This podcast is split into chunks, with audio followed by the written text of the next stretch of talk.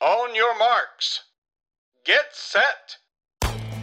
Välkommen till Maratonlabbet, en podcast om löpning med mig Johan Forsstedt och Erik Olofsson. I det här 86 avsnittet pratar vi med Jonas Bud och Johanna Widdarsson Norbeck om alternativa motivationsfaktorer nu när de flesta tävlingarna är inställda.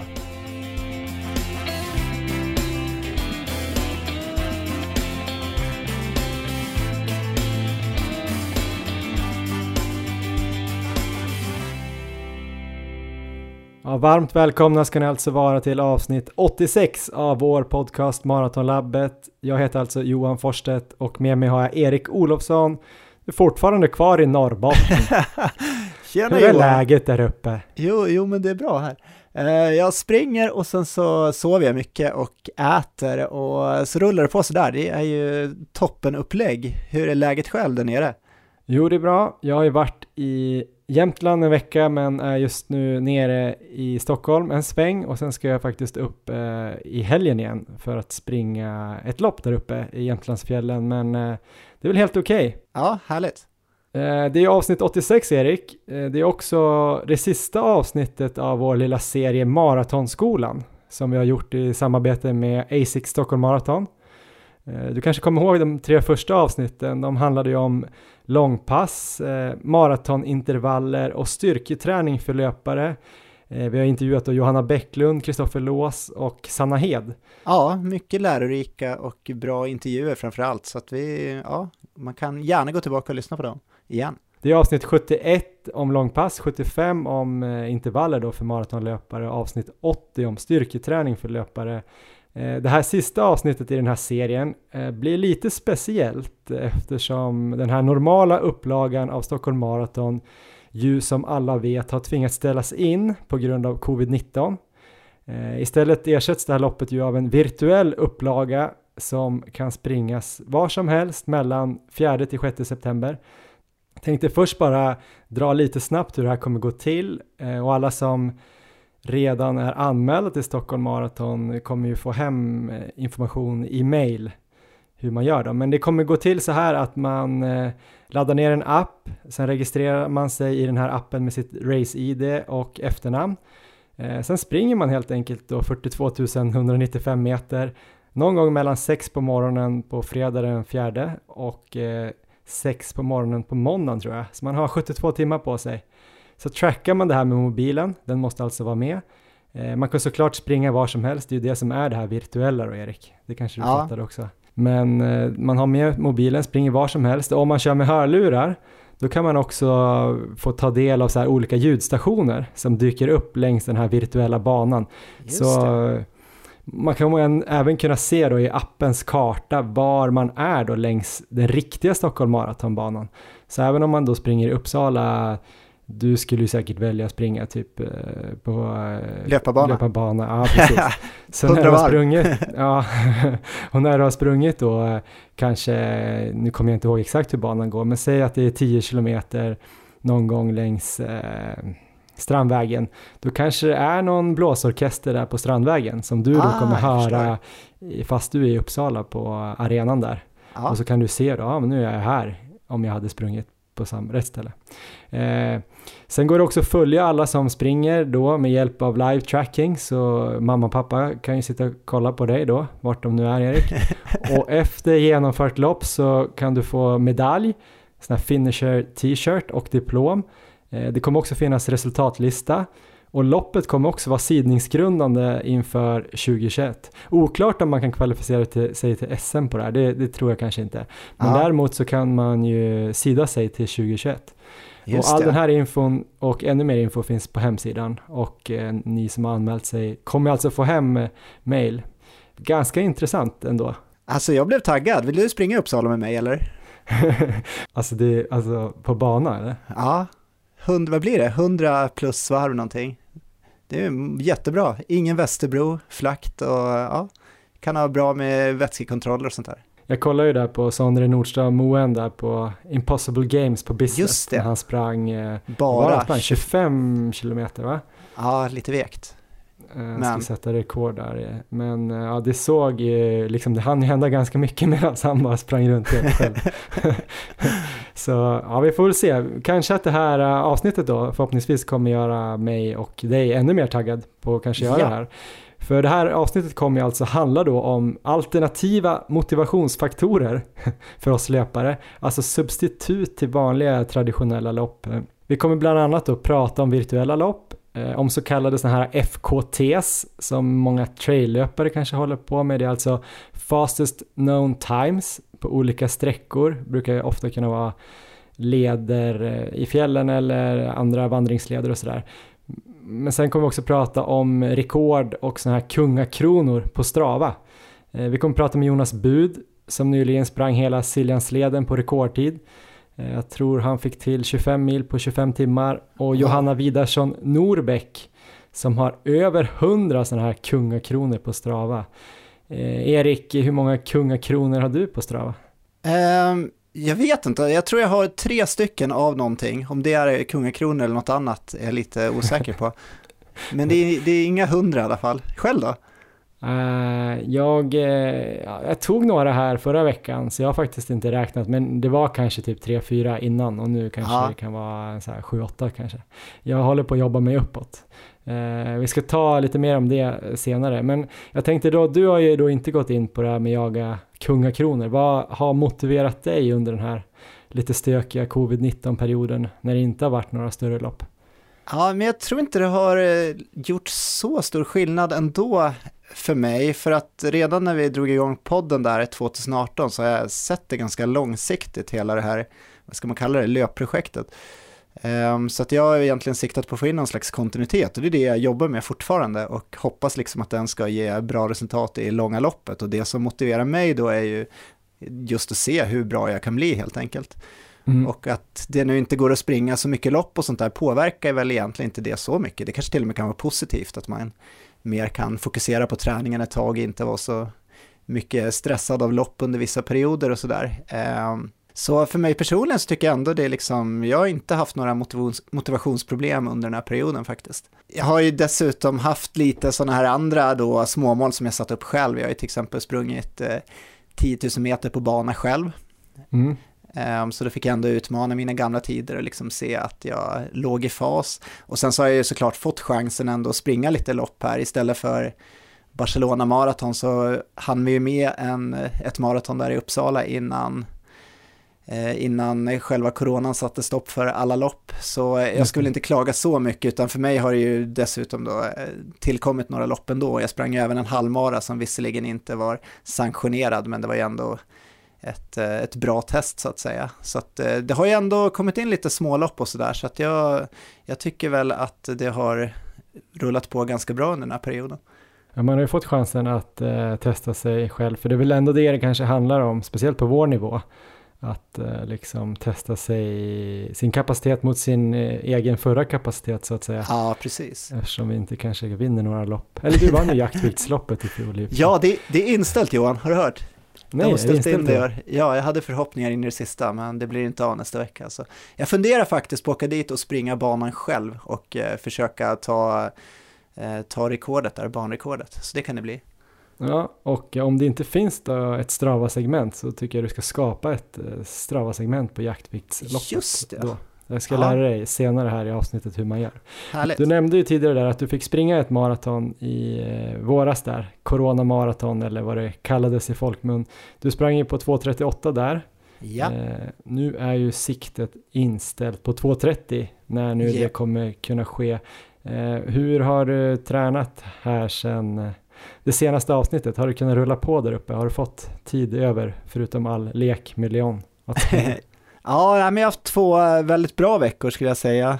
Eh, som jag sa här i början så har jag ju sprungit, eh, sovit bra och ätit massor. Så att det var vecka ett där fick jag väl in 17 mil totalt. Mm. Det var med dubbeltröskel, critical velocity och backintervaller plus en massa distans då. Så att liksom allt har varit väldigt optimalt här uppe och eh, kalla älvsbad på kvällen och bastu och sådär. Så att eh, hade, jag, hade det varit hög höjd här uppe då hade det varit liksom det absolut optimala upplägget för, för läger. Då hade jag till och med kanske flyttat upp hit och bara bott här och tränat på. Um, så uh, så att det har varit väldigt, väldigt bra. Men jag tänkte plocka ut ett pass här och prata lite mer om. Um, dels för att det var ett väldigt roligt pass och dels för att det har um, ändrat förutsättningarna lite efter. Och det var ju här att uh, jag var iväg i lördags, så det var väl en fyra dagar sedan nu. Uh, jag hade skrivit lite med Maramackan där innan. Uh, Marcus Nilsson då som har varit med i podden tre gånger tror jag. Han har ju sommarhus här uppe i närheten där vi bor. Det är ju bara tre mil bort, så att i princip så är han ju vår närmaste granne här kan man säga. och eh, håller till i ett ställe som heter Porsche. Så att vi bestämde oss där i alla fall för att köra ett distanspass tillsammans.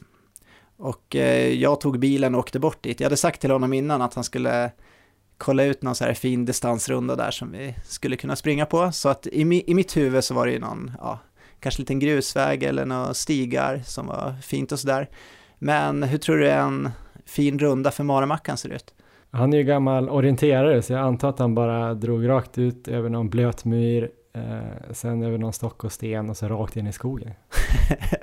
ja, det här borde jag ju tänkt på innan, men det gjorde jag inte. Så när jag kom dit då stod han i alla fall redo i sådana här orienteringsskor. Jag i mina vanliga löparskor. Redan då började jag så ana oråd. Sen så drog vi iväg, började springa, det var ju lugn fart, men första två kilometerna tog vi ungefär 150 höjdmeter. Um, och sen så rakt in över någon myr och uh, så att jag var genomblöt och fick köra mer höjdmeter än vad jag har tagit på väldigt länge i alla fall. Så jag ska inte säga att det var ett lugnt distanspass. Vi sprang i och för sig väldigt lugnt och det var otroligt trevligt. Vi sprang och snackade hela vägen och stannade vid någon liten uh, bäck där och drack vatten och så här. Så att det var ett otroligt trevligt pass. Eh, så vi sprang runt där om det var någonstans, jag vet faktiskt inte exakt om det var 12 kilometer eller någonting. Det var en sån här klassisk runda för honom som han hade kört där varje sommar och eh, han hade säkert några såna här rekordtider på den. Han pratade lite om när han hade liksom köttat på som mest där, både uppför och nerför. Mm. Eh, jag tror inte Maramackan är med på Strava, så det finns nog inte något Strava-segment, men jag tror den där rundan kan ha, vara, kan ha kommit upp där sen. Jag tror jag ska lägga upp den som Maramackans mördarrunda eller något sånt där. Ehm, men väldigt eh, trevligt och lärorikt pass som avslutades med ett bad i älven där. Så mm. Eh, ja, väldigt trevlig dag. Nästa dag, då hade jag planerat in 30 kilometer progressivt. Där jag hade mm. tänkt att jag skulle börja i någon slags 4.30-fart eh, och jobba mig ner mot kanske 3.30-fart sista kilometrarna. Så ett ganska tufft pass, så här medellångt på det passet då så kände jag redan så här efter kanske en mil ungefär att jag ändå hade lite känning i vaden. Det här har ju varit problem för mig tidigare. Jag har inte känt av det på hela året. Senast jag tror jag kände av de där problemen var väl när vi sprang, eller när jag sprang Hässelbyloppet i oktober förra året. Sen så har det liksom varit helt bra. Men nu kom de, eh, den känningen tillbaka på höger vad. Så jag sprang på den några kilometer till men valde faktiskt att bryta passet efter 14 kilometer. Jag är väldigt skadenojig normalt sett med sådana här känningar. Så det var jävligt tråkigt och eh, svårt att säga liksom var det kommer ifrån, men jag misstänker ju att eh, alla de här höjdmeterna och eh, löpning i myrmark och annat kanske inte var det liksom optimala, eller det jag kanske borde ha gjort är att eh, lagt in någon till vilodag innan jag klev på med det här hårdare progressiva passet. Ehm, så eh, faktiskt så har jag här de sista två dagarna haft lite känning i höger vad. Jag har kört lungdistansen då både i dag och igår, men eh, lite osäker på status just nu. Eh, så det är lite, lite oroväckande, men jag hoppas att det ska vara lugnt och att jag liksom ska kunna börja träna på som vanligt om, någon, om ett par dagar i alla fall. Segt Erik, tänk ja. om det skulle komma tillbaks några dagar eller någon vecka är väl inga problem, men jag skulle inte vilja missa mer för jag vill ändå kunna hålla i den här kontinuiteten som jag liksom har kunnat haft på slutet.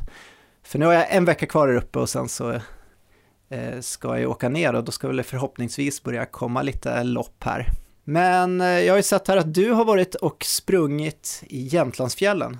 Det såg ja. ju fantastiskt härligt ut. Ja, men det var kul. Jag hade en ganska så här på förhand rätt ostrukturerad träningsvecka framför mig när jag kom upp dit. Men nu när jag blickar tillbaks så innehöll det nog det mesta man behöver för, som en löpare. Ja. Jag var väldigt så här lustbetonad. Jag fick till ungefär drygt eh, nio mil löpning eh, där jag då varvade fjälllöpning med att just plocka lite sådana här strava segment i min hemby, Ås där som du känner till. Eh, vi kanske kommer prata lite mer om det lite senare, just de här Strava-segmenten, men eh, jag fick i alla fall till då både sån här ren uthållighet, alltså jag vet inte om det kallas extensiv uthållighet, alltså så här bara vara ute länge. Det fick jag ju då via att jag sprang Jämtlandstriangeln med min sambo Emma. Ja, Eh, Det är ju 47 kilometer, Storulvån, Blåhammaren, Sylarna. Man kan ju såklart också springa andra hållet, men vi sprang alltså Storulvån upp till Blåhammaren. Det är väl 12 kilometer. Så käkade vi lunch där. Vi hade det ganska trevligt och, och mysig fart här på den här rundan.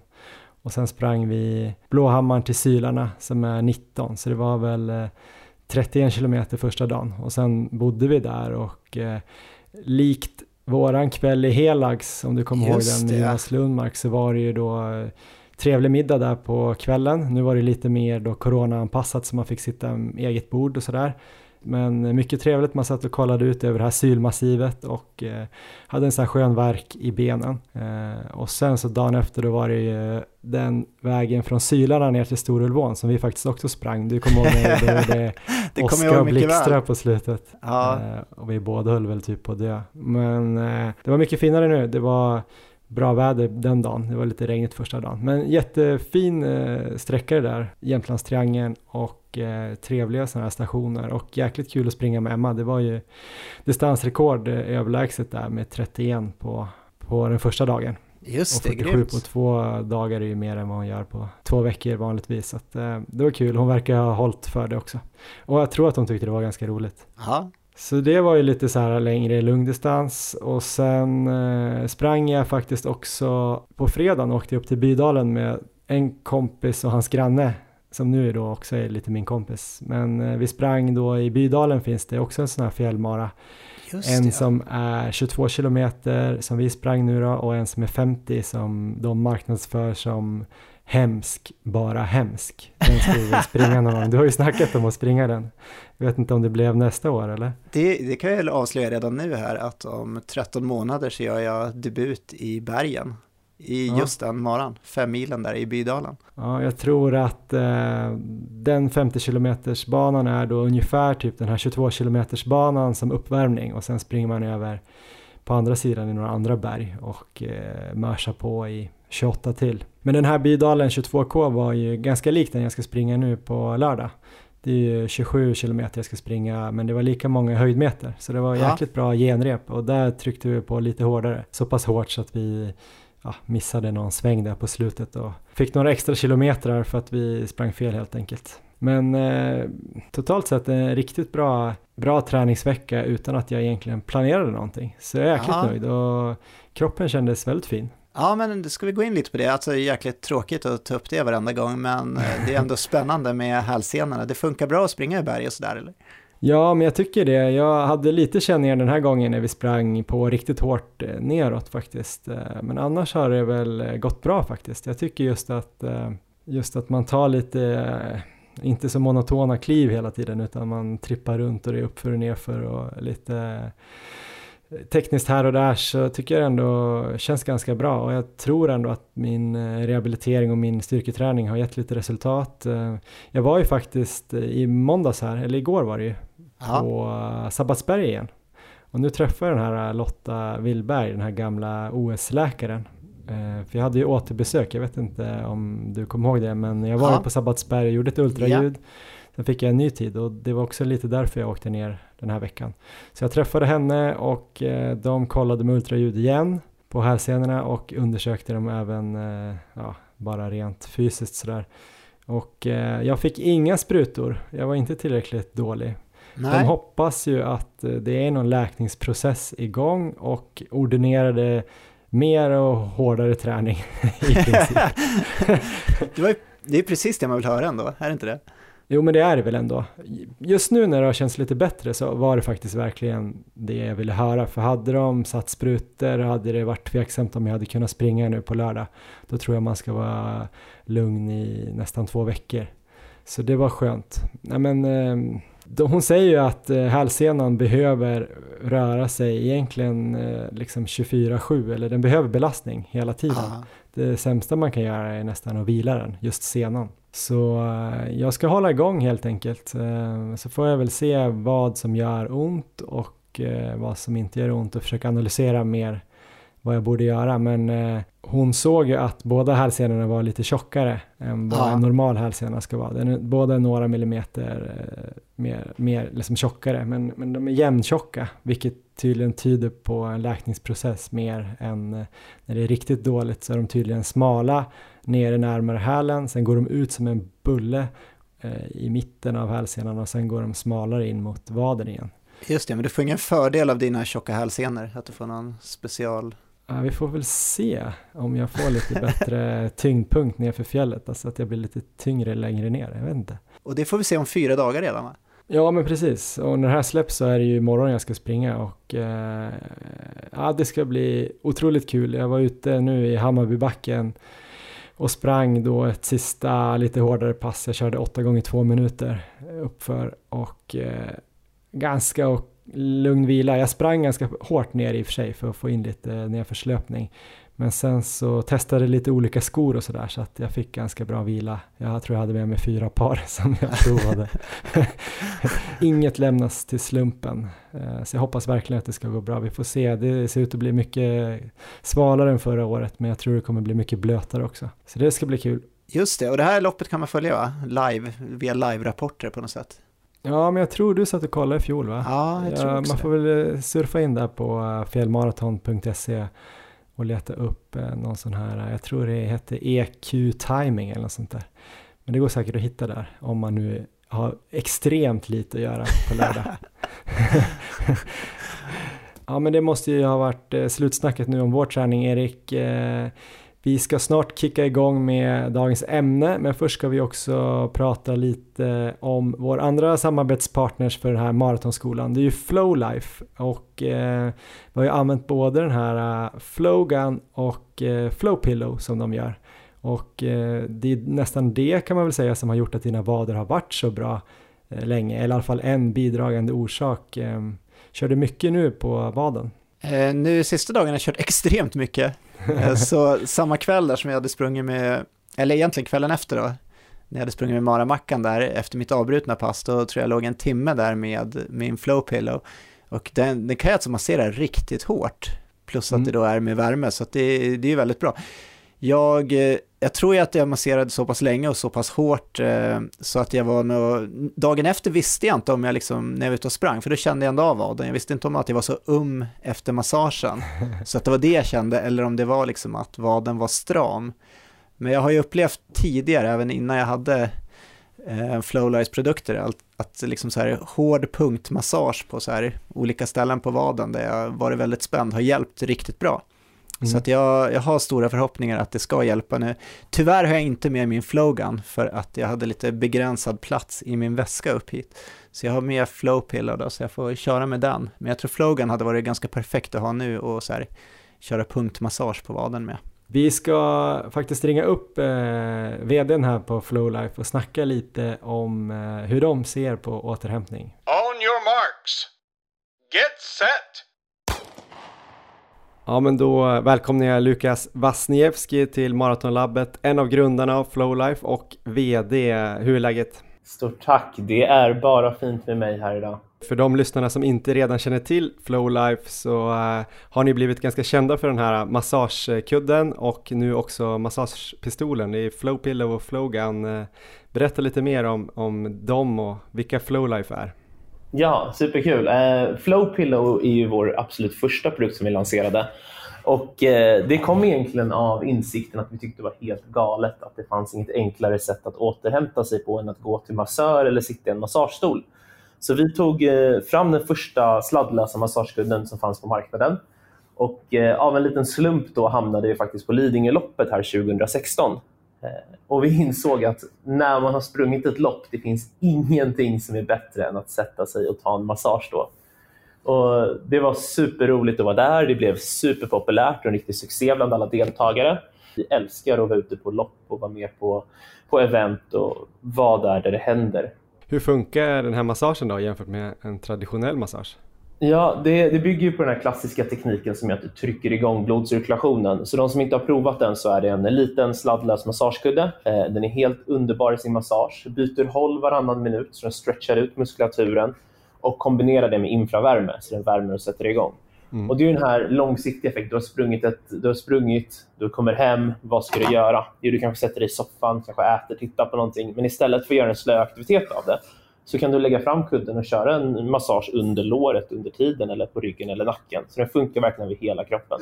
Och sen kom ni även med den här massagepistolen, Flowgun. Eh, varför lanserade ni den och vad hjälper den till med? Ja, den har vi jobbat med i, i, nästan tre år innan vi lanserade. Och det är ju, grundtanken är att det är ett verktyg som kommer ifrån fysioterapin. Det är inom professionaliteten har det funnits, men det har varit väldigt dyrt och otillgängligt. Så det vi gjorde egentligen var att vi försökte göra den så kompakt och enkel som möjligt. Och så lanserade vi den på Lidingöloppet eh, faktiskt nu 2019, nu senast. Eh, och då var det ingen som visste vad det var, men det blev en väldigt uppskattat. Och nu senaste halvåret har det blivit en, eh, en superpopulär produkt, för den slår med vibrationer från 900 vibrationer upp till 3200 och går in riktigt, riktigt djupt i muskulaturen. Man lättar på spänningar, man jobbar med bindväv, får upp rörligheter och den gör väldigt, väldigt mycket. Och den är ju faktiskt första gången inom min livstid i alla fall som jag vet att en produkt har kommit och revolutionerat en marknad så mycket. För att innan har åt, massage har alltid funnits, vi gjorde det mer tillgängligt med en väldigt bra och, och, och smidig massagekudde. Men just den här tekniken har inte funnits för privatpersoner. Det har inte riktigt gått att använda. Så det har varit eh, eh superkul att arbeta med. En personlig favorit och den är, är den så häftig att man verkligen behöver prova den. För man känner på en gång att något händer i muskulaturen. Är det extra viktigt, jag vet att du har nämnt det tidigare för mig, att eh, just de här tiderna, att de här produkterna kanske kommer extra väl till pass? Ja men absolut, det är ju, det är ju konstiga tider nu för, för, för alla. Och eh, det viktiga är fortfarande att hålla igång med träningen och hitta ett sätt som funkar för en själv. Och många har kommit till den insikten att man kommer inte gå till massör eller naprapat eller den hjälpen man behöver kontinuerligt. Utan tyvärr blir det så att man, man kör sitt pass och sen sätter man sig i en soffa som är relativt oergonomisk eller sitter och arbetar hela dagen i en, i en köksstol. Och då är det extra viktigt att ta tag i sin egen återhämtning. Det är precis som med träning egentligen. Alltså det handlar om att ta sitt eget ansvar men få sin egen motivation till det. Eh, och då är det smidigt med produkter som funkar att köra i hemmet. Du behöver inte vara någon expert för att använda dem, utan det är lätt att göra. Och sen har vi en Youtube-kanal också där man kan få massa bra tips och så. Suveränt. Var hittar man de här produkterna enklast? Du hittar dem på flowlifesweden.com och eh, as we speak så kör vi faktiskt en kampanj också nu under sommaren. Eh, att det är 20 eh, på hela sortimentet. Så det är superuppskattat. Och såklart, så här, vi, är ett, eh, vi är ett svenskt, eh, fortfarande relativt eh, litet företag och är väldigt mänskliga. Alltså vi vill ju att man ska prova produkterna hemma, så vi kör 30 dagar kundgaranti. Och, ja, allt ska vara enkelt så man blir helt nöjd helt enkelt. För att de är, är, de är magiska. Stort tack Lukas! Tack för att du ville vara med. Tack själv och ha en underbar dag. Ja men nu Erik så kickar vi igång det här ämnet med alternativa motivationsfaktorer. Jag vet inte om eh, avsnittet kommer heta det, det låter ju lite, eh, lite små eh, stelt och träigt. Alternativa motivationsfaktorer, eller är det fint Erik? Ja, jag gillar det, jag gillar sådär lite träiga saker. Ja, det kanske kommer heta det då. Men vi kickar i alla fall igång ämnet här då med en intervju med Jonas Bud, den här svenska ultralegenden, en man som har vunnit VM-guld på 100 km, han har kommit tvåa i Comrades och han har vunnit Swiss Alpine Marathon åtta gånger i rad. Man undrar ju hur han motiverar sig nu när inga tävlingar finns att springa. Vi ringde upp honom och kollade. On your marks. Get set! Välkommen Jonas Bud till Maratonlabbet. Hur är läget? Jo då, det är väl ganska bra här, det tycker jag. Varför bara ganska? Det får man väl inte säga i Sverige, för då får man en, en uh, följdfråga direkt. Ja, men fasen, hela juni var ju så jäkla het och sen juli blir ju som värsta vintermånaden. Man vill ju ha lite jämnare väder så man kan utnyttja sommaren lite bättre tycker jag. Ja, jag såg att du hade precis varit uppe på Helagsfjället där, varit uppe på toppen. Du såg inte så långt där och det var rätt kallt antar jag. Ja, man såg väl handen framför sig i alla fall och lite till, men inte så mycket mer än så. Och sen det var ju runt nollgradigt och blåsigt och dimmigt, så det var, ja, det var ingen eh, höjdarupplevelse, men det är ändå kul att ha besökt toppen i alla fall. Så det får bli något mer, mer försök när vädret är lite bättre. Ja, det tycker jag verkligen. Eh, du Jonas, du är en av Sveriges bästa ultralöpare genom tiderna, om inte den bästa. Du har ju svenskt rekord på 100 kilometer, 6 timmar och 22 minuter om jag inte missminner mig. Hur hade du tänkt dig att den här säsongen 2020 skulle ha sett ut? Ja, jag hade tänkt att springa lite lopp. Det hade jag gjort. Eh, jag hade faktiskt tänkt att börja springa Jerusalem Marathon. Det var det första som strök. Det skulle ju redan gått i mars där. Så det var ju precis på gärdsgården att, man det. att det ställdes in kan jag säga. Det hängde på håret. Eh, men det var ju tur att det inte blev av. Då kanske man inte hade kommit hem därifrån sen. Då. Ja, sen ska jag springa lite andra lopp också då. Eh, Ultravasan här och ja, lite smått och gott. Så, men det, det har inte blivit så mycket av det nu då. Nej, men jag ser på din Strava här att du har sprungit väldigt mycket hela året. Eh, vad håller dig motiverad under den här perioden mm, när det inte finns något lopp? Är det andra saker? Nej, men jag, jag älskar ju att springa. det är ju, jag behöver inte så jättemycket motivation. Jag tycker, jag tycker om att träna och röra mig ute i skogen och springa. Så det, det är bara en glädje att få komma ut och springa varje gång tycker jag. Så det, just motivationen eh, för att ha något att sikta mot, den, eh, det är inte så jätteviktigt för min del. Det är det faktiskt inte. Nej, men du kan aldrig sakna det här med att dra på sig eh, nummerlappen och formtoppa en vecka och sitta vrida och vända på taktiken? Ja, lite grann gör väl det. För det är ju, visst, det är ju spännande att springa lite tävlingar och få möta lite andra, framförallt träffa lite annat folk och få tävla mot dem lite grann. Det är ju alltid kul, men ja, det, jag tycker det är ganska skönt så som det har varit här också. Lite, lite lugnt att få eh, träna det man vill och hitta på lite andra saker. Och, som mm. nu eh, springa, springa som man själv vill lite mera. Mm. Men du har ändå lagt in lite sådana här eh, prövningar eller vad man ska säga på något sätt för att testa dig själv och prestera. Du har ju dels eh, sprungit ett virtuellt lopp som jag fattade rätt, Göteborgsvarvet. Hur var det? Jo då, det var, det var kul faktiskt. Det, det, var det. Man tände ju till. Man blev lite nervös och laddad och fick planera vilken runda man skulle springa. Och sen tog jag även med mig min kompis Roman Ryapalo här i Mora som, som hare som var med och hjälpte mig att, att springa det loppet. Vi sprang det tillsammans och han eh, hjälpte mig jättebra på det loppet. Så ja, det var kul och eh, eh det är inte, ingen snack om saken, det var roligt att springa det loppet. Framförallt gå in och kolla resultatlistan och kolla lite sånt efteråt. Vad de andra hade sprungit på och vilka banor de hade kört. Just sitta och jämföra sig lite. Så det var, det var roligt. Hur gick det på det loppet? Jo, det gick väl ganska bra. Vi kanske inte hade den bästa banan. Vi fick en ganska lång uppförsbacke när det var fem kilometer kvar. Så det var lite dålig planering kanske. Men eh, var jag 8-9 något sånt av de som sprang det loppet. Då. Vad sprang du på? Oh, vad hade vi? En och 13 hade vi något sånt. Okej, okay. ja, bra ändå. Ja, okej. Okay. Men det blir ju nästan en annan dimension här då om man får eh, lägga upp sin egen rutt och eh, sådär och kanske, jag vet inte, nu i Stockholm maraton och halvmaraton då får man ju springa under 72 timmar så kanske man kan vänta in de bästa vindarna och bästa vädret också. Gjorde du något sånt? Ja, nej nu, vi bara körde när vi körde vårt lopp men precis, man får ju, när man ska springa maraton kan man ju välja sin bana se till att man får springa åt ett och samma håll hela tiden kanske. Och se till att backarna blir åt rätt håll också, så man inte får allt för långa uppförsbackar. Mm. I alla fall på slutet då. Men sen har du gjort en annan strapats här ganska nyligen som jag tänkte att vi skulle prata lite mer om. Du gjorde ju ett rekordförsök här på Siljansleden. Du skulle sätta en sån här FKT. Jag tänker först får du berätta lite för oss eh, som inte hållit på med sånt vad en FKT är. Det är den snabbast kända tiden på en viss uh, runda. Då. Det finns en amerikansk sida som registrerar sådana välkända rundor för att ja, man ska kunna utmana dem lite när man själv vill. Då. Så eh, jag tänkte Siljansleden, den borde vara med på den här listan. Den fanns inte registrerad tidigare som, någon, som en rutt där. Då. Okay. Så jag tog skickade in den banan som ett förslag. Då. Siljansleden är lite speciell. Den är ju liksom ingen rundan. Det är som en åtta kan man säga med en stor midja på mitten. Okay. Så jag valde att springa den sydvästra delen. Då. Sen kan man springa upp en ögla upp norr ut mot Furudal också, då, men den sprang inte jag. Då. Okay. Så den leden som jag sprang, den skulle bli, ja, jag tror den skulle bli 23 mil ungefär. Men jag sprang lite fel och när jag kom tillbaks på hela varvet har jag sprungit 248 kilometer. Just det. Så det blir lite längre än vad jag trodde. Men sen så, det finns ju massa sådana rundor, rundor runt om i Sverige och i världen som man kan springa då, försöka slå en tid. Sen skickar man in sin, något bevis, en Strava träningsfil eller, eller någonting sånt till den här sidan och sen så registreras den där. Sen kan man gå in och jämföra sina tider mot varandra där då, helt enkelt. Mm. Finns det något krav på de här rundorna? Du sa att det skulle vara lite halvkända rundor i...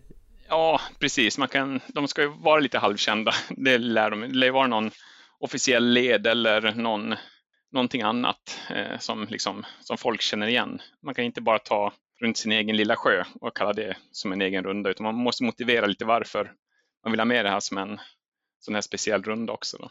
Just det. Så det är lite mer eh, ärorikt än en, en vanligt sånt här Strava-segment, en, en kungakrona där. Ja, jo, det tycker jag faktiskt att det är. Ja. Men eh, hur långt innan bestämde du dig för att köra det här då och eh, hur laddade du upp för det här? Började du träna för det eller var det bara att du fick feeling? Ja, det var egentligen förra sommaren. Då eh, började jag fundera lite grann på det här. Och då så sprang jag ju egentligen från Rättvik till Orsa, det är 4,5 mil. Och sen även från Leksand och hem mot Mora. Då. Mm. Så då hade jag nästan sprungit hela rundan sammanlagt uppdelat på flera olika år och tillfällen. Då. Eh, sen så började man fundera, man kanske ska försöka, försöka eh, köra ett varv. Men det är ju som sagt ganska långt, konstaterar jag också. Det är inte helt enkelt att ta sig runt det där. Och sen i våras, sen, eh, jag skulle varit i Madrid på läger okay. i maj där. Mm. Men sen frågade några, några av de kompisarna som skulle med dit och träna om de ville hänga med och springa runt Siljansleden då, på fyra dagar. Tänkte vi göra det då. då.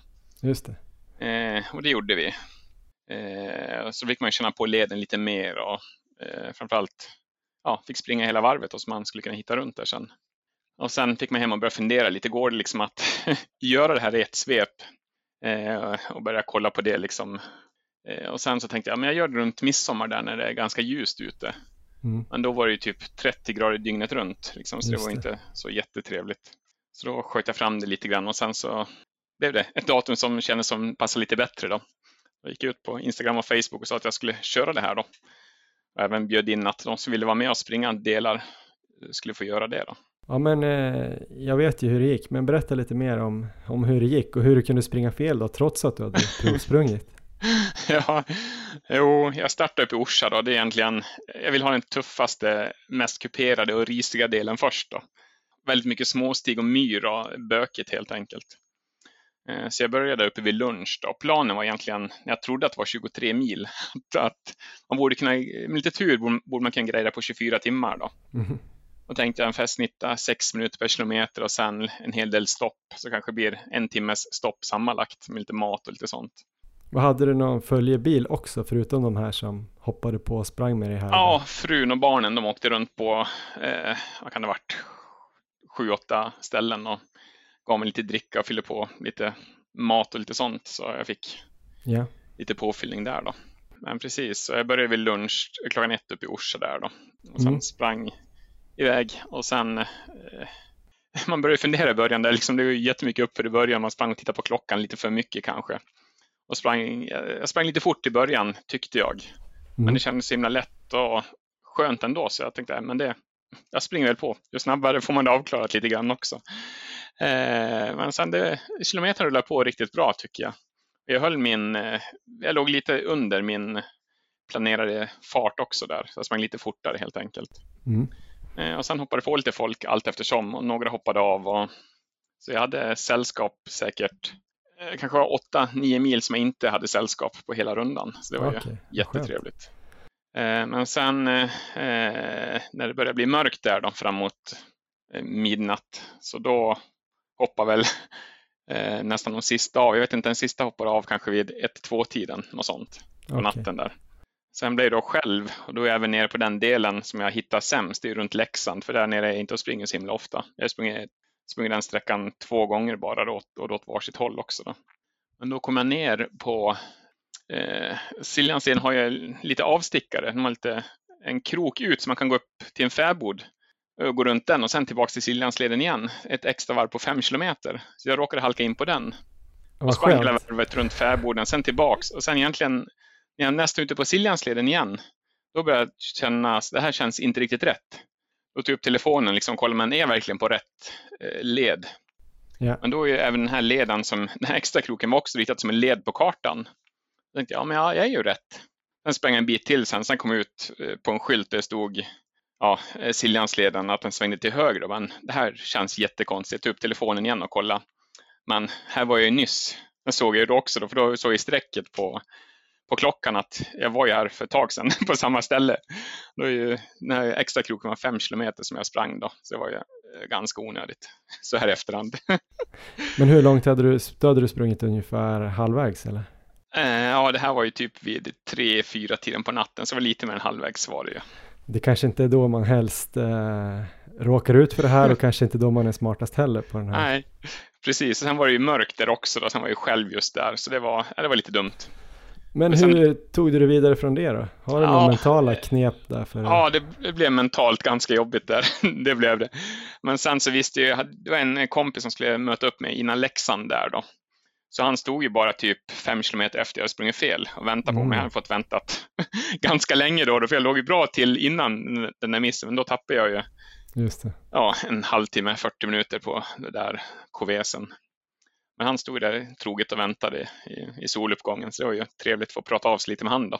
Eh, men sen så gick det på, det klev på några mer folk i Leksand som hängde med en bit och sen gick det bra ända fram till Rättvik, då är det 45 kvar ungefär. Då började det kännas lite jobbigt. Eh, jag fick lite lunch där, eller om man nu kan kalla det lunch, lite frukost kanske det mera är. Och sen började den sista 45 kilometern upp till Orsa då, från Rättvik. Den är ju ganska snäll. Men det blev jag utan eh, sällskap också en bit i 15 kilometer från Rättvik upp till en fäbod. Då. Eh, så där blev det lite jobbigt och lite tråkigt och lite långt där då.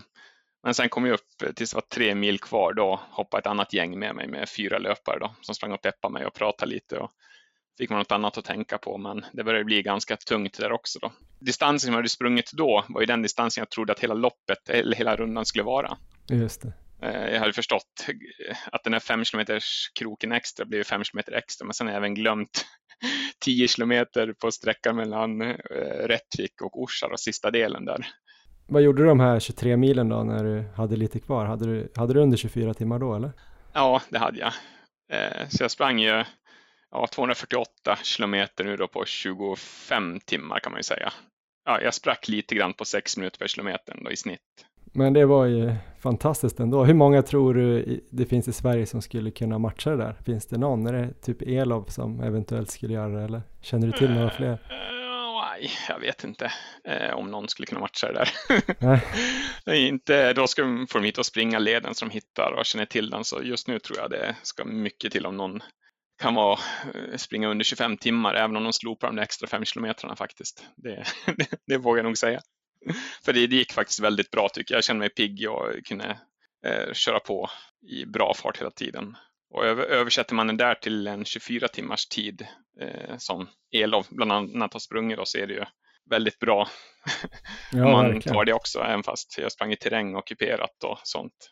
Och 24 timmars är ju ganska platta lopp man springer dem. Då. Har du testat 24 timmars förut? Nej, det har jag faktiskt inte gjort. Jag har ju fått frågan lite fler gånger också nu efter jag sprungit den här rundan om jag är sugen att springa 24 timmars. Men eh, nej, inte riktigt så jättesugen än så länge kan jag säga. Men känner du att du behöver den här, äh, liksom det vackra eller upplevelsen av att springa eller ta dig någonstans? Jag tänkte, jag var och kollade faktiskt lite på Elov när han sprang i, i Tärnsjö där. Det var ju, eh, jag vet inte, för mig var det rätt lätt surrealistiskt att de bara sprang runt, runt där.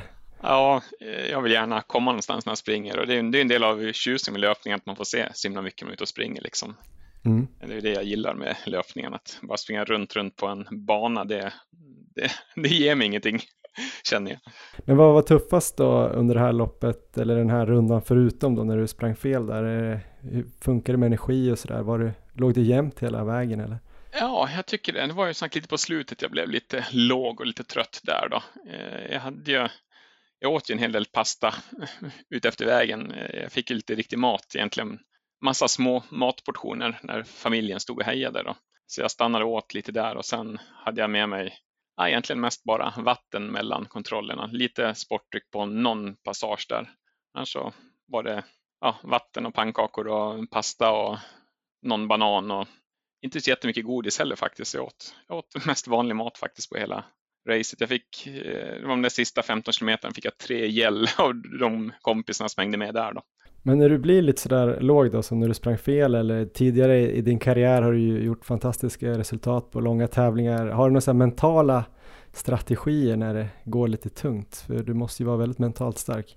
Ja, här var det ganska skönt i och med att jag visste att jag hade ju folk. Jag visste ju att eh, efter innan läxan så skulle det stå en kille och vänta på mig och hålla mig lite sällskap. Och likadant eh, halvvägs eh, upp till Orsa på slutet. Att det stod ett gäng som skulle springa med mig då. Mm. tänker man kan ju inte vika ner sig nu och bryta när de har stått där och väntat på en och laddat för det här. Liksom. Man får ju ställa upp för dem när de ställer upp för mig lite grann. Eh, så det är, man får ju se fram emot eh, de ljusglimtarna tycker jag när man är ute och springer. Att, ja, man får ta små delmål hela vägen också. Mina delmål här var just de där personerna som skulle springa med mig. Har du något tips då till någon som eh, skulle vilja göra något liknande äventyr? Det behöver kanske inte vara så extremt, men om man är van att springa bara vanliga lopp eller man, man vill göra något här i fjällen eller på någon led vad är tipsen? Det gäller att hitta en runda som man tycker verkar spännande och rolig, tycker jag. Ja. Och det finns ju massa rundor på eh, Fastest Snow Times hemsida där som man kan googla upp. Mm. Eh, se någon runda där som man vill titta och köra. Man kan, det är ju fina rundor och förslag på rundor som man kan plocka därifrån.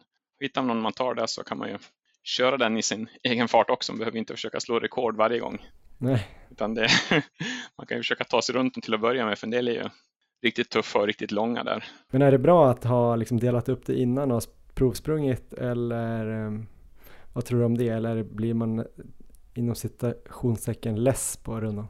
Nej, jag tycker det är bra. Det har jag gjort även när jag sprungit med andra lopp. När jag var i Schweiz och sprungit så egentligen gått stora delar av sträckan innan tävlingsdagen där också när jag varit sprungit Swiss Alpine. Mm. Och även liksom när jag sprungit, eller när jag varit i Sydafrika och sprungit Comrades där som man åkt banan med bil innan okay. Just för att eh, känna igen den och veta vart backarna är och sånt. Så jag tycker det är en förutsättning att man eh, känner av banan innan man ska försöka tävla på den eller springa den också. Då, kan man ju försöka komma ihåg lite olika ställen att så man eh, försöker fokusera på vissa backar eller vissa saker, något hus eller en kyrka eller någon skog eller någon topp eller något sånt där som man liksom kan försöka komma ihåg att den här ligger efter 35 kilometer. Då liksom har man lite att se fram emot också och inte bara räkna kilometerskylten utan man vet att ja, just det, där var den fina toppen, där var det huset och där var den utsikten. Så man får lite sådana saker att tänka på istället för att bara räkna kilometer hela tiden. Mm. Härligt. Hur ser det ut nu framöver då, resten av sommaren och hösten här? Har du något annat inplanerat eller något som motiverar dig? Ja, jag ska ju köra hemmavasan här då, Ultravasan. Ah, okay. mm. Anmäld både till löpningen och cyklingen faktiskt, 90 kilometer, så får vi se vad man kan hitta på där för spännande om man ska våga sig på en dubbel eller vad man ska hitta på för något. Ja. Springa ner och cykla upp eller jag vet inte. Jag har inte funderat, filat klart på den riktigt än. Nej, spännande. Men känner du dig återhämtad efter den här strapatsen? Ja, lite still i fotlederna faktiskt. Men jag har ju sprungit lite grann i alla fall. Men det, ja, nog tror jag att jag kan återhämta mig till mitten på augusti. Det har jag gjort i alla fall så jag skulle kunna greja det. Eh, sen har jag ju Kullamannen då, sen i november där på allhelgona. Eh, den är ju 100 miles, 16, 17, 18 mil någonting mm. i eh, mörkt och blåsigt och regnigt. Så det, det är väl nästa lopp. Då. Den är inte inställd än i alla fall, så vi får hoppas att den blir av. Så det blir någon riktig tävling i år. Ja, härligt. Vi ska hålla ögonen öppna och se, se om du gör några roliga hyss här framöver. Mm. Stort tack för att du ville vara med Jonas och ja. lycka till framöver. Mm, tackar. Ja, det där var alltså Jonas bud och Erik, man blir väldigt lugn av att lyssna på Jonas. Eh, jag blev väldigt lugn och imponerad på samma gång. Vad tyckte du? Blev du sugen på och göra något liknande projekt? Det låter ju så här, äh, om man bara lyssnar på det, så på ett sätt är det väldigt imponerande och låter helt sjukt att springa de här 25 milen på ett dygn. Men när han pratar om det så låter det ändå som att ja, men det är väl lite mysigt att springa runt och äta där i sextempo. jag blir ändå inspirerad och jag har ju haft, eh, det var väl för något år sedan eller två år sedan som jag hade ändå lite planer på att kanske ge mig på något liknande. Det ska ju sägas att jag visste ju inte riktigt liksom vad det innebär och eh, det gör jag ju fortfarande inte. Nu börjar man ju liksom få lite, lite tankar om sådana här saker när man hör kanske det Elof gjorde och det nu Jonas Bud gjorde och jag vet inte ens om jag skulle komma en bråkdel av så långt som de har gjort. Men jag känner mig ändå inspirerad, jag känner att det, det kan nog vara någonting jag eh, hoppar på i framtiden. Själv då? Ja, men eh, jag gick faktiskt in på den här eh, sidan som han pratade om, eh, fastestknowntimes.com eller vad det var. Um, och började titta faktiskt. Uh, ja, hittade några i Jämtland och finns ju några här runt Stockholm på lite olika leder. Så började det faktiskt pirra lite i magen när jag satt oh. och läste tiderna och, och sådär. Sen, alla behöver ju inte vara 25 mil, det kan ju vara 6 mil eller någon etapp av Sörmlandsleden eller sådär. Kanske man kan hitta någon som känns rimlig att jaga. Ehm, jag vet inte om det finns så många som man skulle ha kapacitet att göra. De här riktigt långa, då tänker man ju så här, ja men där har jag ju snabbheten, men då är det ju såklart en massa andra saker som ska stämma med mat och uthållighet och inga skavsår. Där kan jag komma in och hjälpa dig om du ger dig på samma här som Jonas gjorde, så kan jag assistera med mat och åka med, kanske springa fram till 02 på natten och ja, hjälpa till lite där på vägen. Så att eh, det kanske vi kan lägga in. Jag är lite rädd att vi kommer trilla dit på det här någon gång i framtiden. kanske inte år, men någon gång kanske. Vi får se.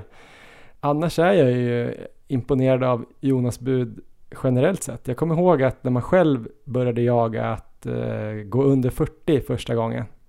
Då hörde jag om den här mannen, den svenska mannen som kunde springa 10 mil i rad under 40 minuter. Ja. Uh, ända sedan dess har han varit lite så här, inte någon idol, men jag har alltid varit lite fascinerad av honom. Ja, verkligen. Jag har ju, jag har ju följt lite grann det här Comrades till exempel i Sydafrika och uh, alltså att komma tvåa i det loppet, det är en riktigt mäktig prestation. Mm. Um, otroligt imponerande. Det var väl ett uppförsår tror jag som han gjorde det. Mm. Så uh, ja, brutal uppför, jag gissar nerför och flakt också. Han verkar vara brutal på att springa överhuvudtaget. Han verkar älska att springa, han verkar inte ens behöva den här motivationen egentligen, även om han, han gör de här prövningarna. Jag tror jag såg något uh, magiskt inslag på Sportspegeln, det var kanske tio år sedan, när han, mm. undrar om var nere i pannrummet, han hade ett löpband, eller hur det var, eller i källaren, och det var sådana här brutalpass alltså. Det var, jag vet att jag har sprungit långt någon gång på löpband, men det här var något helt annat. Så ja, han har nog gjort det mesta den mannen. Eh, kul att han ville vara med och snacka lite om det där. Nu ska vi prata lite om en annan typ av FKTs kanske man kan säga, som också kan ge motivation, nämligen sådana här kunga eller drottningkronor på Strava. Vi har ju nämnt det lite innan här i avsnittet, men jag tänkte att eh, ja, jag ska försöka dra en förklaring då så man inte lämnar någon utanför här. Eh, jag har lärt mig att det heter KOM eller KOM, alltså okay. King eller Queen of the Mountain, när man cyklar. Men när man springer så heter det CR, så Course Records. Ja. Och Strava då, om man ska börja där, om det är någon som inte har Strava eller sett Strava, så är det någon sorts eh, social träningsdagbok kanske man kan säga. En app och en webbsida där man loggar all sin träning och så kan man följa andra löpare och sådär. Och på de här rundorna då man är ute och springer och lägger upp på Strava, då kan man välja att skapa olika segment utifrån de här. Det kan ju vara vilken sträcka som helst egentligen, en backe runt en sjö, ett elljusspår. Det här behöver inte vara någon känd led då alltså, det kan vara vart som helst. Och på det här segmentet då som skapas, då blir det en topplista och den som har den snabbaste tiden är ju då kung eller drottning på segmentet och får en virtuell krona till sin samling. Är du med Erik? Mycket pedagogiskt än så länge. Och sen så ska vi tillägga här då, det kan ju vara kul att tävla på de här segmenten även då om man inte har chans på kronan. För det kan ju vara så att eh, man inte riktigt har snabbheten. Men man kan ju se sin egen utveckling då på den här banan och få sitt personliga rekord, kolla tillbaks historiken hur det har gått och så kan man ju klättra på topplistan och sådär. Det ger ändå en del motivation, framförallt på träningen tycker jag. Eh, hur som helst, ska vi nu prata med en som har runt 120 sådana här drottningkronor. Hon heter Johanna Widarsson Norbeck, hon bor i Göteborg och är en väldigt duktig löpare framförallt på stigar och backar och hon kommer här. On your marks. Get set! Hej och välkommen Johanna Widarsson Norbeck. Eh, kul att ha dig i Maratonlabbet. Hej Johan och jätteroligt att vara med från västkusten på länk. Ja, eller bästkusten brukar ju alla säga. Ja, det är ju västkusten. Det är ja. ju det. Låt gå, det är fint i alla fall. Eh, jag var ju där och sprang i fjol i Bohuslän. Då var ju ja. du också med eh, i det här Icebug West Coast Trail. Där Precis. kom du etta, det var ett tre dagars lopp. Ja. Eh, du kom ju också trea på det här Salomon 27K som jag sprang. Då visste jag inte vem du var, men du passerade nog mig på väg ner från Välleste, skulle jag tro. Kolla precis resultatlistan. Vi hann ju diskutera det när vi sprang Iceberg Experience. Ja, att var du det... förmodligen stod och stretchade på toppen av Elliste när jag sprang förbi. Just det, men jag var så himla förstörd på West Coast Trail också så jag kommer inte ihåg det. Då sprang du också om mig när jag var helt knäckt en dag. Sen sprang du om mig ändå till slut. Ja, just det, men det behöver vi inte prata mer om. eh, men en riktigt bra säsong i alla fall. Vad har hänt sedan dess? Hur har det gått med träningen? Eh, ja, förra året var jätte, jättebra säsong och sedan dess har eh, träningen gått eh, jättebra. Jag har haft ett par små mindre skador som jag är frisk från nu och eh, har kunnat träna på eh, väldigt bra. Och jag tänkte att i år skulle bli eh, mitt stora löparår och eh, hade ganska storslagna planer ändå på att försöka leva drömmen och satsa lite mer på löpningen. Mm. Har du liksom gått upp i volym och sådär? Eh, ja, absolut. Det har jag gjort. Försöker eh, få in bra volym, eh, inte alla veckor, men eh, så mycket jag kan. Och försöker planera in lite kvalitetspass och lite, lite långpass och så. Och hur kändes det för dig då när covid-19 kom och kanske gjorde så att den här drömmen blev... Du har säkert kunnat träna mycket men kanske inte fått visa så mycket på tävlingar hur, hur bra du är. Nej, det har ju varit väldigt tråkigt, i alla fall till en början. Jag hade som sagt storslagna planer på att eh, hänga lite mer nere i Europa, ta lite ledigt från jobbet, hade anmält mig till några skyrunning-lopp mm. eh, och hade faktiskt planerat in att köra fyra stycken eh, lopp i skyrunning-serien nere i Alperna. Eh, och så köra också Trailrunning Swedens trailturnering här hemma i Sverige med fyra stycken lopp. Eh, men det, de planerna fick man ju ändra lite på eller ställa in helt enkelt och bara träna på istället.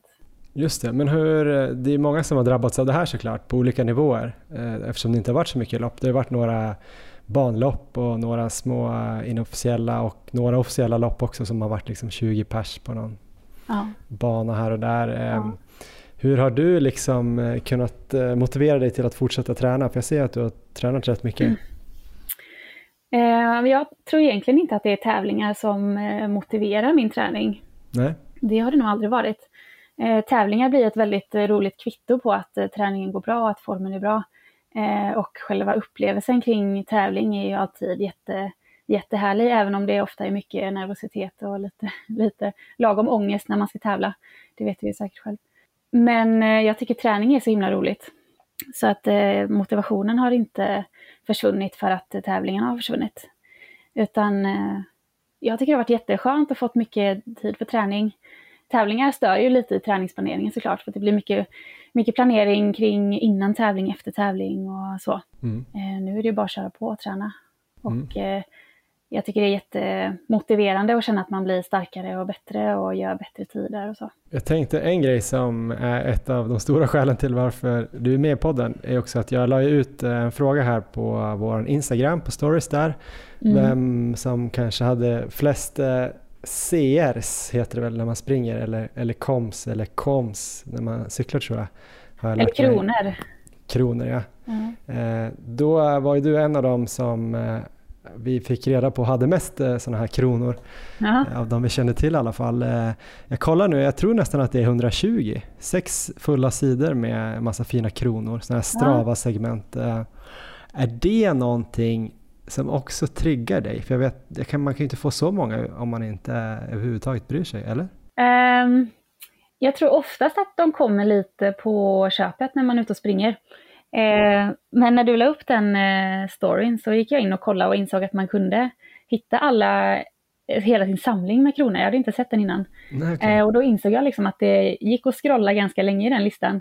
Eh, jag insåg också att säkert över hälften var, hette någonting med climb eller backe. Mm. Eh, så det säger väl någonting om min styrka i traillöpningen.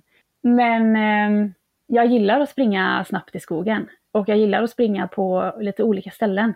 Eh, Göteborg har ju hur mycket fina trailparadis som helst. Så att eh, är man liksom runt på olika ställen och har ganska högt tempo ibland när man springer så samlar man på sig lite kronor. När du kollar igenom där din samling där av kronor, eh, vilken är du mest nöjd över? Det är nog, det finns en backe i Göteborg som heter Hobo Hill som liksom är den, jag tror det är en av Göteborgs högsta backar. Mm. Ganska tekniskt, den är väl 85 höjdmeter så det, det är ändå ganska så, så lite.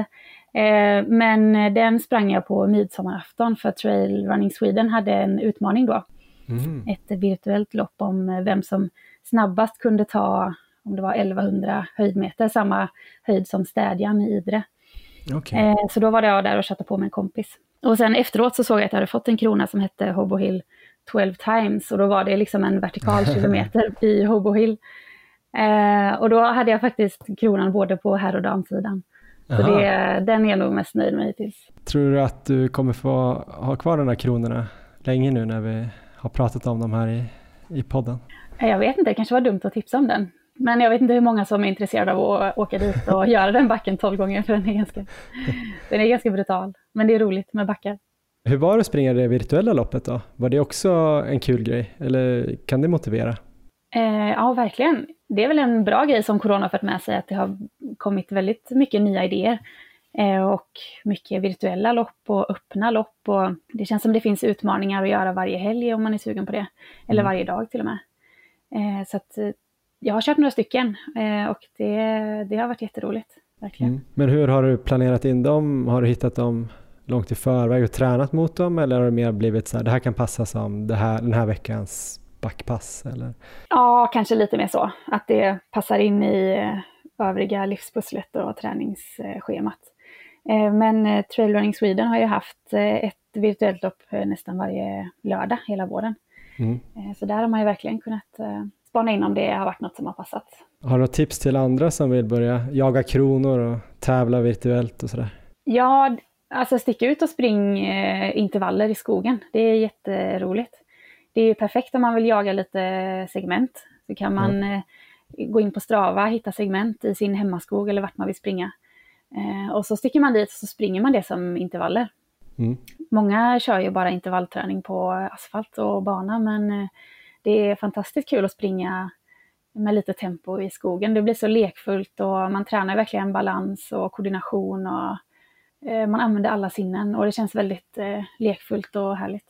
Mm. Så det är ett bra tips. Du berättade innan intervjun här att du skulle åka norrut eh, här imorgon. Eh, du, jag antar att du har med dig en massa löparskor och ska träna en del. Kommer du hålla på och leta då Strava-segment för att hitta tips på bra, bra ställen att träna när du inte är på hemmaplan så att säga? Ja, men det tror jag. Jag spanade lite på, vårt första stopp blir i Arvika faktiskt. Ja. Så jag kollade lite på Strava igår och då hittade jag bland annat en 10 km runda på Strava som var ett segment. Mm. Det, sånt är jätteroligt. Men ofta när man ser segment så kan man ju tänka att ja, men det här är ett bra ställe att springa på. Man kan ju dels få tips på bra slingor och dels områden att springa i. Det känns ju som att de här som är typ 10 kilometer är lite extra, vad ska man säga, meriterande att ta än de här som är, ibland kan det bara vara någon backe mitt i skogen mm. som man som sagt inte visste att den fanns där. Nej men det är klart att det blir extra prestigefullt om det är en sån lång bana jag tänka mig. I alla fall lokalt där den eh, banan är, finns. Suveränt Johanna. Det var väl ungefär det vi hade att prata om den här gången. Tack mm. för tips och lite inspiration. Jag har börjat jaga lite kronor och eh, kanske kan fortsätta. Problemet är ju att om någon bara vill eh, mobba mig och ta alla mina kronor så är det ju relativt lätt om man är lite över, över halvbegåvad. Ja. ja, men jag ska nog också spana in eh, segmenten lite mer och eh, se det som lite mer utmaningar att jaga. Tusen tack. Tack själv. Ha det bra.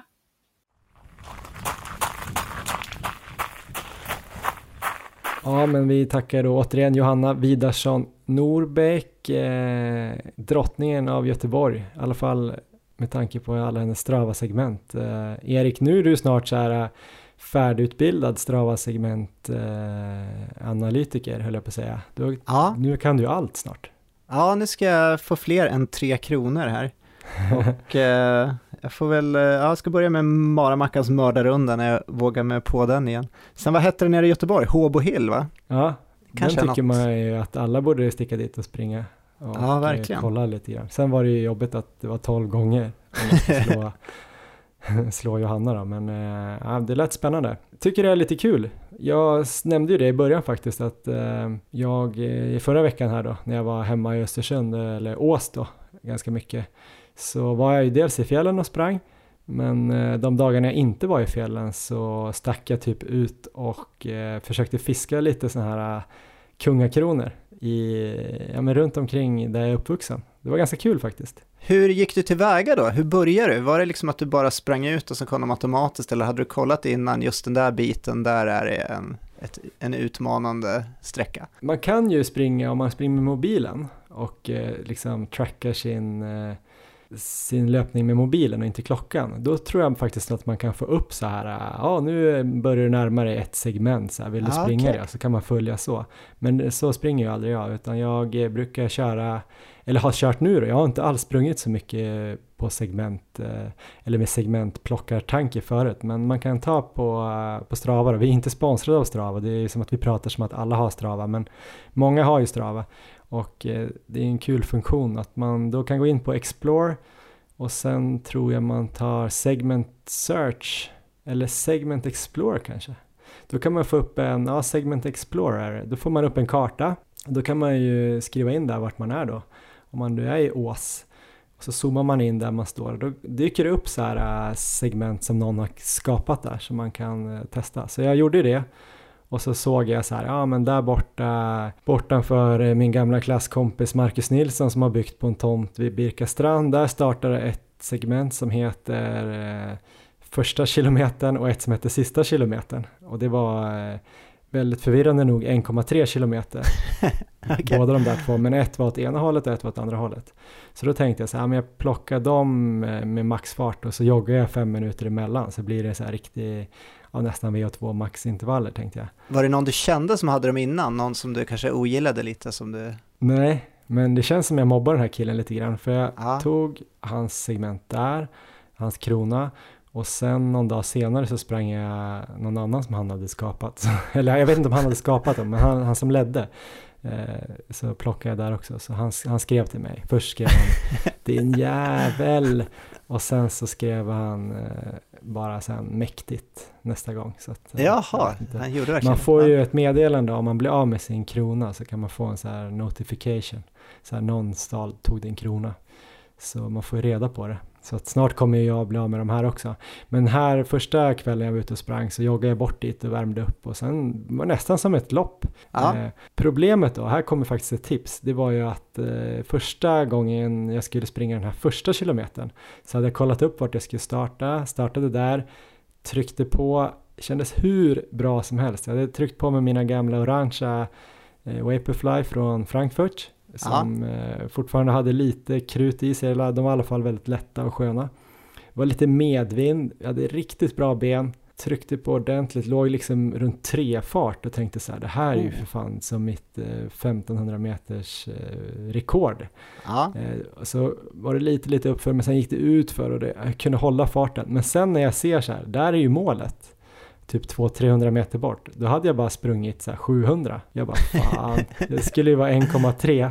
Så började jag så här, ska jag avbryta eller, eller kan det vara 1,3 dit bort? Och så, här.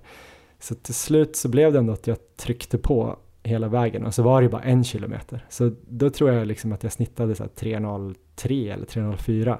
Men då fick jag ju inte det här segmentet för jag hade ju börjat för sent så att säga. Så det var ju lite surt och jävligt klantigt. Men jag bestämde mig ändå för att ta det här som var tillbaks. ja, just det. Och då var det ju bara, jag visste exakt vart det här målet var då. Så då startade jag där, för det var ju starten på nästa segment där vid målet då så att säga. Och då visste jag att jag skulle springa i 1,3. Så då gjorde jag det. Eh, och sen joggade jag hem, tänkte så jag var helt förstörd liksom. Du vet hur man, man har maxat sådär, man har typ mjölksyra upp till käkarna. Så joggade jag hem, men sen kände jag ändå så här, fan vad trist att jag inte kunde ta det där. och så kände jag hur det var perfekta förhållanden och så här solen sken den här gyllene timmen och det var medvind och, så bara, nej jag vände tillbaks och så tryckte jag av den och så kom jag hem sen då och laddade över till Strava och såg att jag Ja. hade fått båda kronorna. Det var ändå en skön känsla och ett riktigt Ja. bra pass ju. Det är inte så ofta man kör typ tre en kilometer stenhårt. minuters vila. är det risk så här med, med de här Strava-segmenten att man helt släpper sin träningsplanering och bara kör lite spontanpass? Låt mig återkomma här om några veckor. Ja, Ja, jag ska inte bli långrandig, men jag var ju uppe i fjällen där sen och sen kom jag ju hem. Alltså jag, det blev lite som ett gift här att ta de här i Ås, för Ås är ganska litet. Så det fanns Ja. inte så här jättemånga segment och det var inte så här, äh, det var bra tider och så här, men det var inte de här äh, typ att David Nilsson hade varit där och sprungit alla segment som han var chanslös, utan det var ändå som att, ja men det här kan jag nog fixa. Uh, så, så där på torsdagen när jag hade kommit hem från fjällen, då såg jag att det fanns en uppförsbacke där en kompis till mig hade han tagit det segmentet. Uh, kändes som en, en, en klassisk uppförsbacke där över läggdorna, ja. bland lador. Så var jag tvungen att gå upp och krossa hans rekord där. Och sen tog jag två, två backar till efter det. Så då hade jag tre långa backar det, det passet eh, med riktigt hög puls och tunga ben. tre nya kronor, check. Ja. Alltså det var kul. Sen skulle jag ta elljusspåret någon av de sista dagarna men jag hann helt enkelt inte med innan jag var tvungen att åka hem igen. Så det, det, blir, det blir åka upp igen och ta dem. Och snart får jag väl så här notifications att det är någon jävel som har varit där och tagit dem. Och det gäller att vara lite så här kall när man får de där notifications, att man ändå behåller sin distansdag där som är planerad och inte ger sig ut och köttar ja. direkt. Men jag, jag har faktiskt också kollat upp ett Strava-segment här. Jaha. Um, det har ju varit ganska uppsnackat i media, ett uh, speciellt test här i skidkretsar. Har du läst någonting om det? Ja, ah, Frida Karlssons. Frida Karlssons rekord ja, på det här så kallade Hallsta-testet som alltså är en 1800 meter lång bana eh, i Sollefteå med 210 höjdmeter. Hon mm. tog eh, Ebba Anderssons rekord där. Ebba hade sprungit på 8.56 och idag släppte faktiskt Frida då sin tid som hade varit lite så här hemlig innan. Hon hade mm. alltså slagit det med 20 sekunder och sprungit på 8.36. Så det tyckte jag är lite spännande så här att jaha, det där måste man ju kunna hitta på Strava. Så att jag har nu varit inne och letat här eh, via så här kartfunktionen på Sollefteå mm. och då kom eh, direkt det här Hallsta-testet upp i alla fall. Nu är ju inte Frida Karlsson med på Strava. Så Nej. på damsidan så var eh, rekordet eh, Sofia Henriksson, också väldigt duktig skidåkerska. Eh, 9.28 rekordet där, så vill man prova att eh, ta det rekordet så får man bege till Sollefteå där och försöka slå 9.28. Tvåa var Madeleine Svensson på 10.41. Sen så här sidan var lite spännande, då var det ju alltså William Porroma, så Frida Karlssons mm. pojkvän där, hade sprungit på så pass bra som 8.04. Tvåa var Petter Engdahl på samma tid som Frida Karlsson där, 8.36.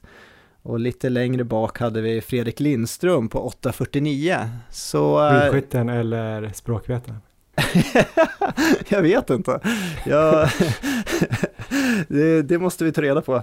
Är det språkvetaren så är det ju fantastiskt.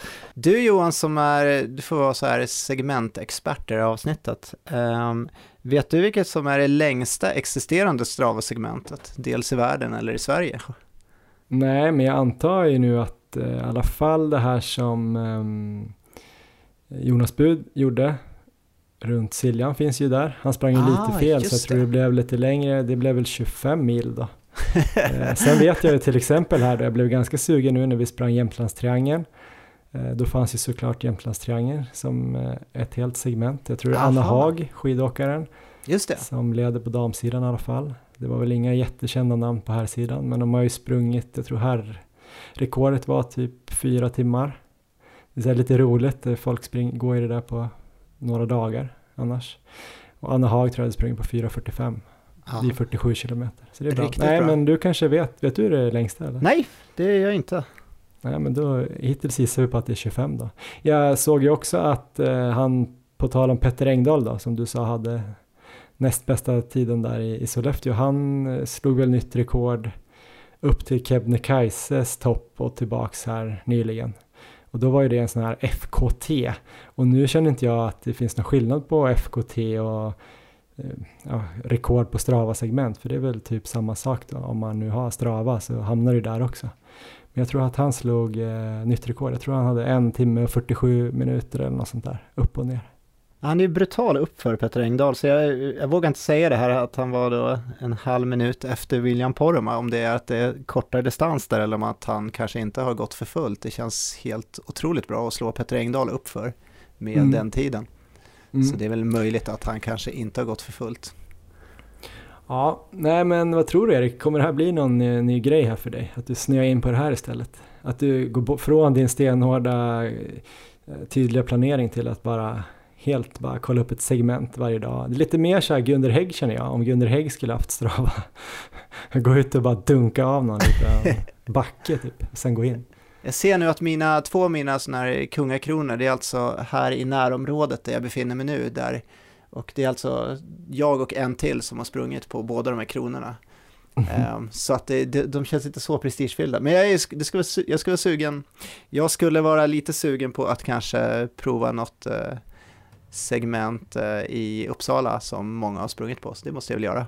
Det leder oss in här faktiskt på eh, Maratonlabbets utmaning. Vi var ju lite borta i skallen här sist när det var semester och glömde ju bort då att ge en utmaning. Just det. det var jag som skulle ge en till dig. Eh, jag hade ju då fått eh, avsnittet innan att jag skulle eh, stänga av mobilen eller lägga ifrån mig mobilen och inte kolla på den efter klockan nio på kvällarna för att jag då skulle eventuellt kanske komma säng tidigare och sova bättre. Det har inte gått jätte, jättebra. det har det gått typ, någon kväll? Ja, jag typ, det gick ganska bra första kvällen. Och kanske andra kvällen tänkte jag i alla fall på det. Sen tror jag det var tredje kvällen jag var tvungen och jobba. Eller ja, då la jag undan mobilen, men jag satt med datorn och då kändes det så här, det här är ju, det här är väl inget bättre. Eh, och nu är klockan halv tio, vi sitter här med mobilen och pratar. Ja. Eh, så ja, det har inte blivit så jävla bra, men jag, jag ska ta ett nytt tag på det där. En omstart. Det är nog bra att rensa skallen de sista timmarna innan man ska gå och lägga sig. Så jag ska göra det. Men däremot ska ju du få en utmaning av mig nu och eh, det kommer du få snart.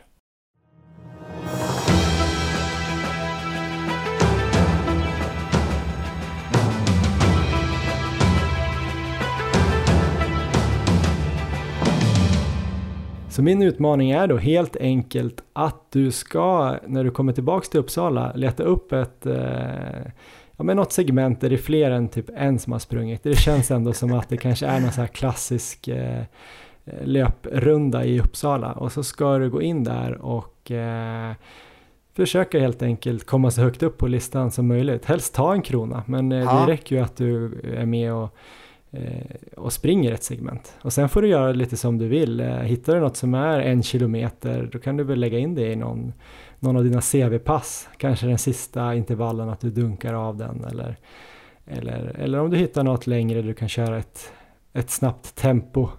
Om du hittar någon fem kilometer eller sådär. Valfri längd på passet och eh, Ja. ja, passet kan ju få vara hur långt som helst. Sen kan ju segmentet vara en del eh, av det här passet. Att du lägger in det som en rolig avslutning eller, eller att det är hela passet. Eh, men, eh, men något typ av segment som känns lite halvprestigefyllt. Ja, kul. Det ska jag göra. Förutom det så har jag en utmaning till folk som kanske befinner sig i Stockholm här. Jag har faktiskt, eller jag ska ut här och göra ett litet Maratonlabbet segment här på Södermalm. Så det kan ni också hålla utkik efter. Jag kommer döpa det till Maratonlabbet eh, Södermalm helt enkelt. Så det kan man ju googla på. Det blir kul. Jag, det, jag kommer göra det lite lurigt sådär. Man måste vara mer än bara riktigt snabb. Man ska vara lite eh, smart och duktig i, i olika terräng typ. Jag säger inget mer än så. Spännande. Du kommer ha rekordet ett tag då? Ja, jag kommer väl ha det, antat om man skapar det så får man väl kungakronan direkt tills någon kommer dit och tar den. Får se om någon vågar, eh, vågar försöka. Annars då Erik, eh, förutom det här, vad, vad händer? Du måste få ordning på din vad och sen fortsätter du trycka mil efter mil eller? Ja, men det är planen här att eh, få ordning på vaden, testa imorgon igen och hoppas att det har släppt. Eh, jag har en vecka kvar här uppe så det är ju, det vore ju kul om jag kunde träna på bra här sista veckan innan jag åker ner till Uppsala och sen så är det bara att liksom hålla igång. Jag tror att det kommer vara ungefär tio veckor till eh, nästa maraton då när jag kommer ner, så att det kommer ju ändå börja närma sig att gå in i någon slags specifik maratonträning, men det kommer ju också komma lite, dels lite olika lopp i augusti och eh, dels eh, något lägre i alla fall, så att det kommer ju komma lite andra moment också. Ja, vi ska väl springa ett lopp på 10 000 meter, vi som inte ja. fick plats på SM. Just jag kommer inte ihåg vilket datum där, det var bara du som hetsade mig. Du måste anmäla dig. Sen glömde jag bort det direkt och sen bara, har du anmält dig? Jag bara, vad snackar du om? Ja just det. Jag tror jag anmälde mig. Det är väl studenterna ja. som ordnar igen. Och sen är det väl sommarspelen också, 5000. Det var väl i alla fall någonstans runt typ 22, 23 någonting. Ja. Jag kommer inte ihåg. Men när var 10 000? Var det i mitten av augusti? Ja, Jag tror jag kanske runt 9 augusti och det blir ju dels för dig då, tar det under 35 gissar jag, är målet. Ja, och ska jag göra. ska ju ta revansch där från eh, senaste loppet och hoppas att det inte blir riktigt lika varmt den här gången. Så ska jag göra ett nytt försök på sub 33 där. Mm. Vad tror du då? Ehm, jo, men eh, om jag inte har några problem med vaden nu och kan träna på fram till dess, då ska jag, då ska jag ta det. Så är det bara. Mm. Kul, jag har väl det som några roliga lopp som jag inte kommer eh, kanske träna allt för mycket in. Jag kommer lägga in lite 5000 meters träning faktiskt. Och då kanske det blir i form av att ta lite segment, vi får väl se. Med lite snabbare grejer. Och sen kommer jag också träna för halvmaraton. eh, Som jag hoppas ju att jag får chansen att springa någon gång i september. Då Ja. tänker jag, man tränar lite halvmaraton, lite 5K, ah, då borde man ju vara bra på milen också däremellan, kan jag tycka. Vi får se. Och så kan det komma in ett maraton kanske i slutet av året. Ja, man får väl se. Jo, men det ska jag. Det har jag väl lovat att jag ska springa något maraton. Jag ska i alla fall persa. Eller springa under 2.45. Vi får Eller se. kanske springa redan 4 till 6 september. 100 varv i Uppsala. Absolut, det måste ni alla göra, ni som har, ehm, har eh, anmält er här till Stockholm Marathon. Ni måste springa kanske inte 100 varv i Uppsala, jag vet inte, det ska jag nog försöka styra av. Men eh, antingen springa Stockholm halvmaraton eller maraton eh, virtuellt. Det ska jag prova på. Jag har aldrig gjort ett virtuellt race och eh, man måste väl prova saker i livet, så det ska jag göra. Det kan bli kul. Annars är det ju mitt lopp eh, som går av stapeln imorgon då. Det ska ju också bli svinroligt och sen så har vi ju också då Erik eh, en Instagram Ja, som där vi heter Maratonlabbet. Där kan ni ju kolla in och kolla vad vi har för oss. Eh, där har vi nog också här i dagarna släppt en resa till Vålådalen som vi nu har spikat till 11 till 13 september. Eh, nu när Köpenhamn halvmaraton blev inställt så kände vi att eh, då måste vi upp och springa i fjällen istället. Och, Ja. eh, det kommer ju bli magiskt. Vi gjorde ju samma resa i fjol i princip och Eh, det var ju helt underbart. Så vi har ju koll på terrängen där uppe nu. Eh, vi kommer åka upp med SJ på fredag morgon och åka hem på söndag kväll. Och vi kommer bo på vandrarhem med två och fyrbäddsrum. All mat kommer vara inkluderad där uppe och eh, lite transport till och från tåget och sådär. Så gå in och kolla på vår Instagram och ja, anmäl er om ni är sugna på ett roligt äventyr. Sen så känns det väl eh, som att vi kanske har nämnt Strava alldeles för många gånger här. Eh, vi hade väl kanske blivit eh, anmälda till en granskningsnämnd om vi var Sveriges Radio. Nu är vi ju inte det så vi, vi använder Strava och tycker det är ganska bra. Och det är roligt med de här segmenten. Men där heter vi ju då Erik Olofsson och Johan Forstedt. Och Ja. där kan man ju följa hur det går med träningen. Ehm, det var väl det vi hade den här veckan Erik. Ja, det var det. Nu är det bara att träna på och eh, stort lycka till nu på lördag. Tack så jättemycket. Vi hörs. Ha det bra.